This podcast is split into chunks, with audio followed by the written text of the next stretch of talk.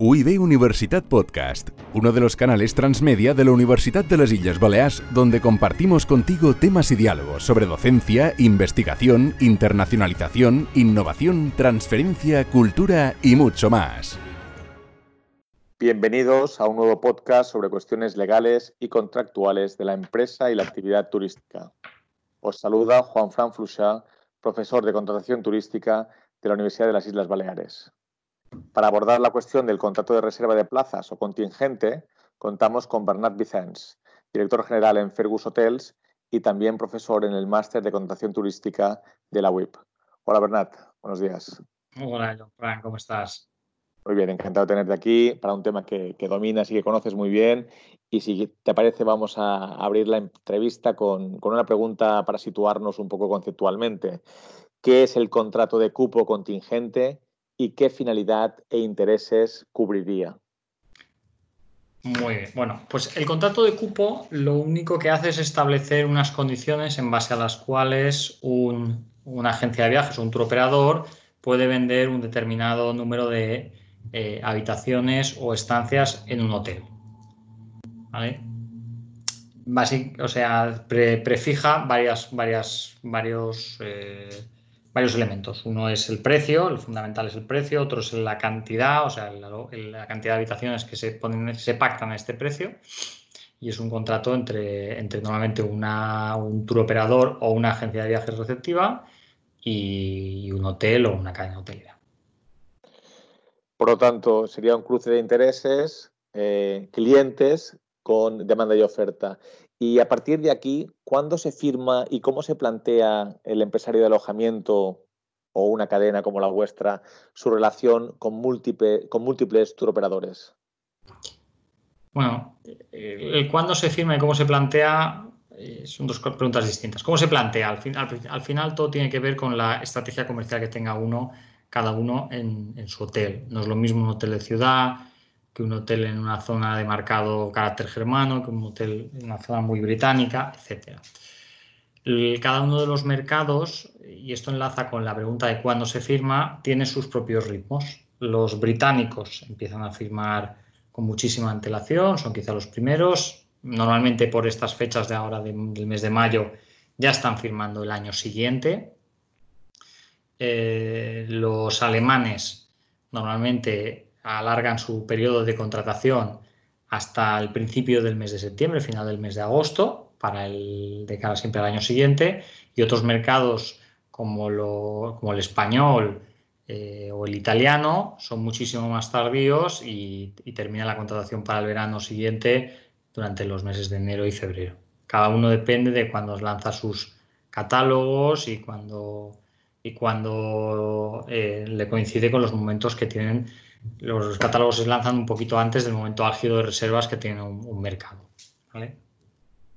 En esa estrategia que comentábamos, eh, ¿cómo, fijáis esa determinación de cuotas o, de cupos y también esa reserva de la contratación directa que cada cadena o cada hotelero puede, puede tener? ¿Cómo, ¿Cómo, se precisa un poco ese reparto en distintos eh, tour operadores?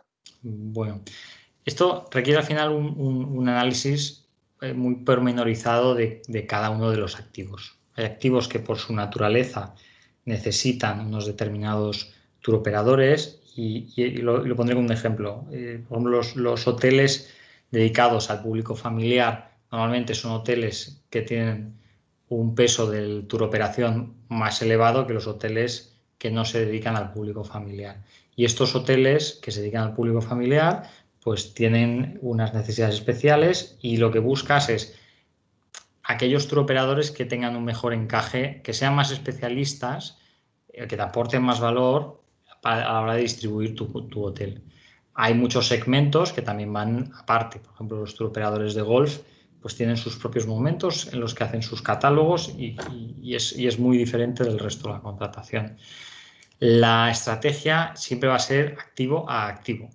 Eh, dependiendo del, tipo de hotel que tengo, definiré cuánta, qué cuota de mercado quiero lanzar con tu operación y, por tu operación al final es decir, qué cuota de mercado quiero lanzar con, contratos FIT, con, contratos de precios fijos donde yo no podré colocar y qué cuota voy a poder eh, manejar yo vía canales donde yo controle el precio. Y, esto es generalizar, es muy, muy complicado. La experiencia te va dando un poquito la guía por donde tienes que ir y haciendo una, una primera aproximación muy burda, cuanto más eh, personalizado esté el hotel o cuanto más entidad propia tenga el hotel y más dentro de la, de la estrategia de la compañía esté la venta directa, en teoría, menor cuota de mercado darás a los operadores. Dentro de esas condiciones, de esa seguridad que, propician estos tipos de, de, contratos y que imagino que cuando uno ya se acostumbra a tratar con distintos turoperadores, tanto a nivel hotel como obviamente a nivel cadena. Eh, te preguntaría, si quieres, vamos a trocear un poco eh, el interés de, una pregunta un poco más, más amplia. ¿Quién fija las condiciones esenciales y la estructura del contrato? Y eso iría un poco en, en connivencia con la siguiente pregunta, que es si es un contrato de adhesión y de poco margen para el hotelero. Bueno, al final suelen ser contratos de adhesión, ¿vale? Con poquito margen para el hotelero. El, el, el, establece el marco en el que él puede trabajar normalmente ¿eh? y el hotelero tiene que entrar o salir de este marco si se siente cómodo o no se siente cómodo. Y queda de espacio para la negociación, básicamente lo que te queda es el precio y el contingente, eh, que no son temas nada menores. ¿no? pero al final es un contrato de adhesión. La mayoría de ellos son un contrato de adhesión. Vamos a profundizar entonces dentro de este patrón al que se adhiere la oferta, la oferta hotelera. Y te preguntaría si nos puedes explicar un poco pues, cuál es esa estructura o esquema del contrato que suele ser estándar y que se puede repetir pues para todos los turoperadores, incluso en distintos mercados. ¿Cómo, cómo verías ese, esqueleto del contrato? Bueno, el esqueleto, si en el esqueleto te refieres a las condiciones, las que aparecen siempre son, son los tramos de fechas, ¿vale? Al final, fácil de entender, yo no, yo no voy a dar mi mismo precio en el mes de agosto que a principios de abril. Y luego sale el, precio por cada uno de los diferentes tipos de habitación. Yo no voy a dar el mismo precio para mi habitación doble que para mi suite, que para mi habitación individual. Salen los suplementos que apliquen sobre este precio. No es lo mismo estar en alojamiento de desayuno que en media pensión, que en todo incluido, que ser una tercera persona, que un niño de tres años. Todo esto tiene precios más o menos distintos que se suelen repetir. Y, luego sale el precio y el contingente de cada una de estas variables. Esto sería un poquito lo que sale por todo. Luego se suele pactar, aparte de esto, lo que se llama el release, que es el momento en, el, cual las habitaciones dejan de estar sujetas a estas condiciones. Release estándar pueden ser 7 días, 14 días, un día, dos días. hay, mucha, variabilidad. Em, y luego se pacta el cómo te pago y si yo tengo algún tipo de rappel, descuento o oferta que aplique en todo esto. son muy, los, descuentos más habituales son aquellos de, pronta reserva, eh, reservas que se hacen con mucha antelación pues suelen tener porcentajes de reserva que van desde el 5 al 25 o al 30%, depende. depende eh, y, luego también es habitual o, relativamente común encontrarse rappels por producción pero esto al final todos son partes del precio que se discuten de otra manera. Ese esqueleto, Bernat, tú que has, manejas pues, pues muchos turoperadores durante cada temporada, eh, podríamos decir que es un contrato muy gráfico y que por lo tanto ese esqueleto que podría ilustrarse en una hoja Excel es muy parecido y prácticamente cuando ves uno de estos contratos lo que cambian básicamente son las condiciones y, el turoperador o, has visto mucha variedad en cuanto a la, tipología de, estos contratos? ¿O dirías que al final lo, que pone siempre es lo mismo, ¿no? Lo que pasa es cómo lo pone, ¿no? Cada uno de los turoperadores eh, lo pone de una manera distinta. Grandes cadenas hoteleras lo que hacen es, imponer sus formatos, ¿no? pero para eso tienes que tener una fuerza de mercado muy potente. ¿no? Entonces, Anomelia o Iberostar pues son cadenas que imponen su modelo de contrato. Pero si no, el resto al final pone siempre lo mismo, lo que pasa lo suele poner de una manera un poco diferente entre unos y otros. ¿Vale? Y hay que estar atento cuando estás contratando y, revisar bien las cosas para, para, para, realmente que se traslade tu propuesta de precios a la negociación. Ya que me introduces el tema de la negociación, eh, ¿existe un, un, elemento personal en esta negociación? Es decir, ¿siempre está el mismo agente con el mismo representante del hotel y por lo tanto eso genera una sinergia? ¿O es bastante automático y va de central a central? Mm, ¿Cómo, valorarías ese, componente humano en un contrato que, lleva años a lo mejor repitiéndose o perfeccionándose? ¿Existe o, es mucho más eh, objetivo y estandarizado? Yo te diría que en los mercados más sofisticados eh, cada vez existe menos. Y por, por, mercados sofisticados me refiero básicamente al, al alemán y al inglés. ¿no? Existe cada vez menos. Es verdad que el componente humano eh, lo que normalmente consigue cuando hay una buena relación es que, los plazos se acorten mucho porque hay credibilidad por ambas partes. Entonces la gente no trata tanto de negociar, sino que valora exactamente lo que el otro le propone em, y, ve si es viable para su parte o no. Y es una negociación como mucho más rápida que cuando no te conoces absolutamente de nada y tienes que estar mirando a ver si te están intentando eh, sacar el último euro por la espalda. Eh, te digo, yo creo que cada vez menos el, el, factor humano siempre va a ser importante, pero, pero no tiene nada que ver lo que hay hoy en día con lo que había hace 20 años. Yendo un poco a ese flashback, y ya que has citado el periodo de release como uno de los elementos claves de este contrato, eh, y muy vinculado a la rooming list, eh, te preguntaría cómo se gestiona actualmente esa rooming list que hace 20 o no sé, algunas décadas se enviaba por fax y que era mucho más difícil de comunicar y genera tanta controversia y resoluciones judiciales. Eh, ¿Cómo se gestiona actualmente con los avances tecnológicos eh, que conectan al tour operador con el, con el hotelero? Bueno, cuáles son las herramientas? Hoy en día casi todo funciona por sell and report, es decir, cuando el tour operador hace, hace una venta, esta venta inmediatamente se reporta al hotelero, no tiene ningún tipo de, transacción manual dentro del operador y tampoco la tiene dentro del hotelero, normalmente se integra directamente dentro de los, de los PMS mediante, mediante conexiones XML. Esto es nosotros en Fergus Group pues tenemos más de un 90% de las reservas no tienen ningún tipo de interacción manual.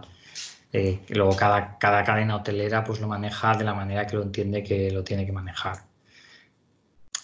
anteriormente sí que había una problemática que es que era la hora de los stop sales. ¿no? Un stop sales en un contrato de cupo era una orden que tú dabas de que ya no se vendiera más el tour operador normalmente pedía entre 24 y 48 horas Em, para seguir vendiendo porque no decían que no eran capaces de parar su red de ventas eh, en tiempo y forma desde que tú mandabas el, típico mail.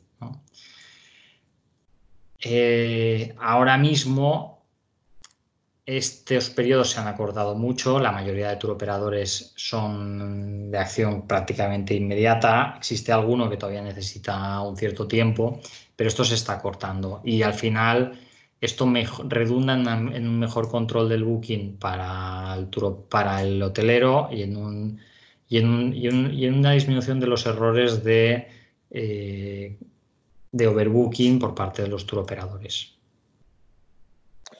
Insistiendo en este comentario y que es el que en muchas ocasiones ha terminado ante los tribunales, ¿qué ocurre cuando cambian esas previsiones eh, o esos pactos por, cuestiones de, oferta o demanda y ya que lo has avanzado, eh, ¿cómo se gestiona pues, pues el stop sales y cómo se valora ese stop sales y, o un aumento de, de una mayor eh, número de habitaciones cuando está todo ya programado? ¿Cómo, cómo se soluciona cómo, cómo, en la práctica, cómo, cómo se traslada todo, todos estos cambios en la práctica?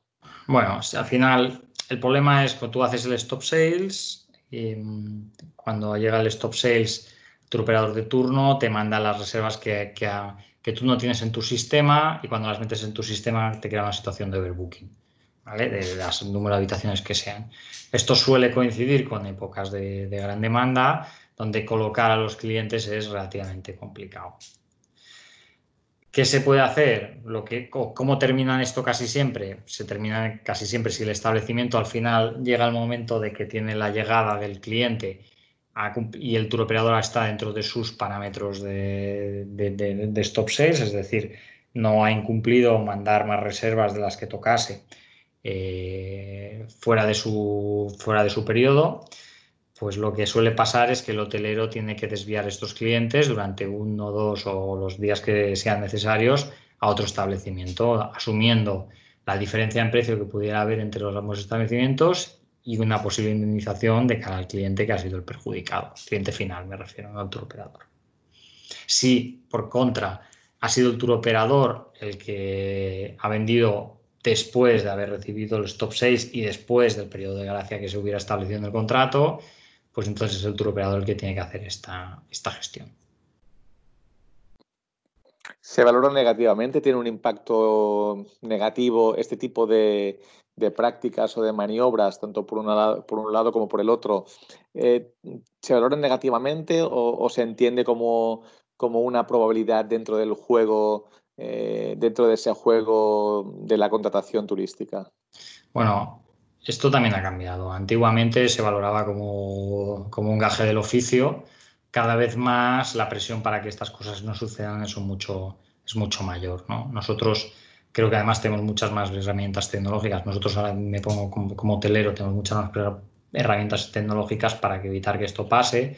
Si pasa en un caso muy leve, pues tampoco es ningún problema, pero una situación de overbooking repetitivo, culpable, doloso por parte del hotel, sí que tiene muchas consecuencias, en el sentido de que es letal para la reputación online del hotel y daña mucho la colaboración con el tour operador. Antes de ir a, esos aspectos problemáticos como es el overbooking, te preguntaría, eh, no sé si podrás responderlo, eh, ¿hay unos porcentajes eh, de gracia o de riesgo con los que juegan la mayoría de cadenas o se intenta o se, intentan amoldar los cupos a, la máxima disponibilidad que existe o, a la plena disponibilidad que existe? Bueno, los cupos, los hoteles se suelen sobrecontratar, porque existe la herramienta del stop sales. pero sí que se intenta cada vez más, yo no conozco prácticamente ninguna cadena hotelera que juegue a hacer overbooking continuamente. La mayoría de ellas, nosotros entre ellos, intentamos no tener overbooking nunca o prácticamente nunca. Y si tenemos, suele ser por causas de, em, de, errores humanos o de errores de sistemas que también a veces suceden. Eh, y al final lo que prefieres es con tus habitaciones conseguir un ingreso mayor porque haya mucha demanda a base de subir precio y no tener un overbooking que al final te va a costar dinero y reputación. Ya entrando en la, pregunta, ¿no? que, el overbooking ha sido un poco la antesala, ¿cuáles son los aspectos más problemáticos y cómo se resuelven los posibles incumplimientos eh, contractuales en este, en este entorno de, de los cupos? Bueno, los aspectos más problemáticos eh, tienen que ver fundamentalmente con eh, los contratos que, tiene, que son de garantía, donde se, el tour operador la agencia de viajes eh, garantiza una determinada producción, una determinada ocupación. ¿Y cómo se resuelven? Normalmente se negocia. Se negocia el, incumplimiento y se intenta alcanzar una solución que sea que sea razonable para las partes. Si un señor no está cumpliendo porque no puede, porque no puede cumplir, y ahora mismo con la crisis del COVID hay múltiples eh, ejemplos de esto, pues se negocia una, cosa que tenga lógica. A las muy malas, eh, si no se consigue llegar a una solución y el hotelero se siente eh, muy agraviado, o el tour operador, pues hay una comisión mixta de agentes de viajes y, Federación Hotelera. Y al final, ante, ante impagos y cosas así o abusos por parte de, los turoperadores y agencias, nosotros pues al final tenemos eh, como, como, solución acudir a nuestra Federación eh, Empresarial de, de, Mallorca o el organismo equivalente y avisar de que determinado cliente pues, es un incumplidor compulsivo. Ya que has citado los contratos con garantía, el full for empty, eh, ese contrato donde me vas a pagar las plazas aunque no las ocupes y que en el pasado incluso podía afectar al 100% de, de, un hotel, eh, ¿sigue utilizándose, sigue existiendo, tiene el mismo vigor o ha ido perdiendo fuerza dentro de, este nuevo entorno de contratación? Bueno, los contratos de garantía es una cosa que, que surgen periódicamente cada vez que hay eh, booms de demanda. ¿no? Al final el contrato de garantía lo que hace es eh, establecer que el tour operador tiene garantizado un determinado número de camas a cambio de unas condiciones. Mi impresión es que al final son contratos de garantía que solo vinculan al hotelero porque, porque el tour operador en el momento que tiene un problema pues eh, va a ir eh, al hotelero a, negociar para, poder cumplir. Hay pocos hoteleros que tengan la capacidad real de llevar a un tour operador a cumplir a rajatabla su contrato de garantía. Eh, entonces te diré que durante el periodo ahora que hemos tenido del 2016 hasta el 2019 ha habido bastante contrato de garantía. Además ha habido algún tour operador que se ha emocionado especialmente con contratos de exclusividad, que siempre suelen llevar eh, aparejados compromisos de garantía. Y ahora en adelante, eh, a partir de la crisis del COVID, todo esto les causa, les causa mucho, mucho dolor y mucho pesar y hay mucha cláusula de fuerza mayor y, donde, dijo, donde dije, digo, digo, Diego. al final para mí los contratos de garantía son una cosa que sale cuando las cosas están yendo muy bien, muy bien, muy bien, muy bien y que de la que los operadores se quieren eh, quitar, se los quieren quitar de encima enseguida que las cosas empiezan, que el viento empieza a cambiar y las cosas empiezan a torcer. Bernat, me gustaría que terminar con una pregunta que también puede engarzarse con la realidad, con la actualidad, y es eh, cuál es tu valoración después de todo lo que hemos visto en, en relación a los grandes turoperadores, grandes caídas, ¿Cómo valoras el futuro de este tipo, de este contrato? Pero yo creo que los, con los contratos de tour operación seguirán existiendo. creo que en el muy largo plazo son, son pero, pero, hablo de muy largo plazo, son contratos que son que están destinados a un determinado tipo de alojamiento y a un determinado tipo de destino. Creo que hay hoteles en por ejemplo, creo que es muy difícil renunciar a la operación y yo no lo veo en, el largo plazo. Si tú estás comercializando hoteles en Fuerteventura, donde necesitas que el operador te haga realmente turoperador, que, que significa montar un vuelo charter y, y hacer un paquete turístico entero, y para eso necesita el apoyo de tener un precio prefijado de salida y no, con, no encontrarse con una variabilidad total, pero creo que a los destinos masivos como, como Mallorca, especialmente en los alrededores del aeropuerto, poco a poco el peso de los operadores irá bajando, irá bajando cada vez más, porque al final su propuesta de valores es, es, más complicada. Si, si, el cliente encuentra un vuelo muy barato y en el hotel, y el hotel cogiéndolo directamente puede tener un precio similar al que va a tener en el, la agencia de viajes, pues tampoco veo mucho, tampoco creo que tenga mucho, mucho recorrido el tener el tener un precio, el tener un precio cerrado vía, vía, un, vía un agente de viajes. En cambio, para destinos un poco más difíciles de llegar, pues oye, yo creo que le queda muchísima vida a los truqueadores. Barnat, pues como siempre, ha sido un placer y muchas gracias por brindarte a compartir tu experiencia como en anteriores ocasiones y esperamos, vernos, esperamos verte pronto. Muchas gracias. Muchas gracias, Jean-Franc. UIB Universitat Podcast, uno de los canales transmedia de la Universidad de las Islas Baleares, donde compartimos contigo temas y diálogos sobre docencia, investigación, internacionalización, innovación, transferencia, cultura y mucho más.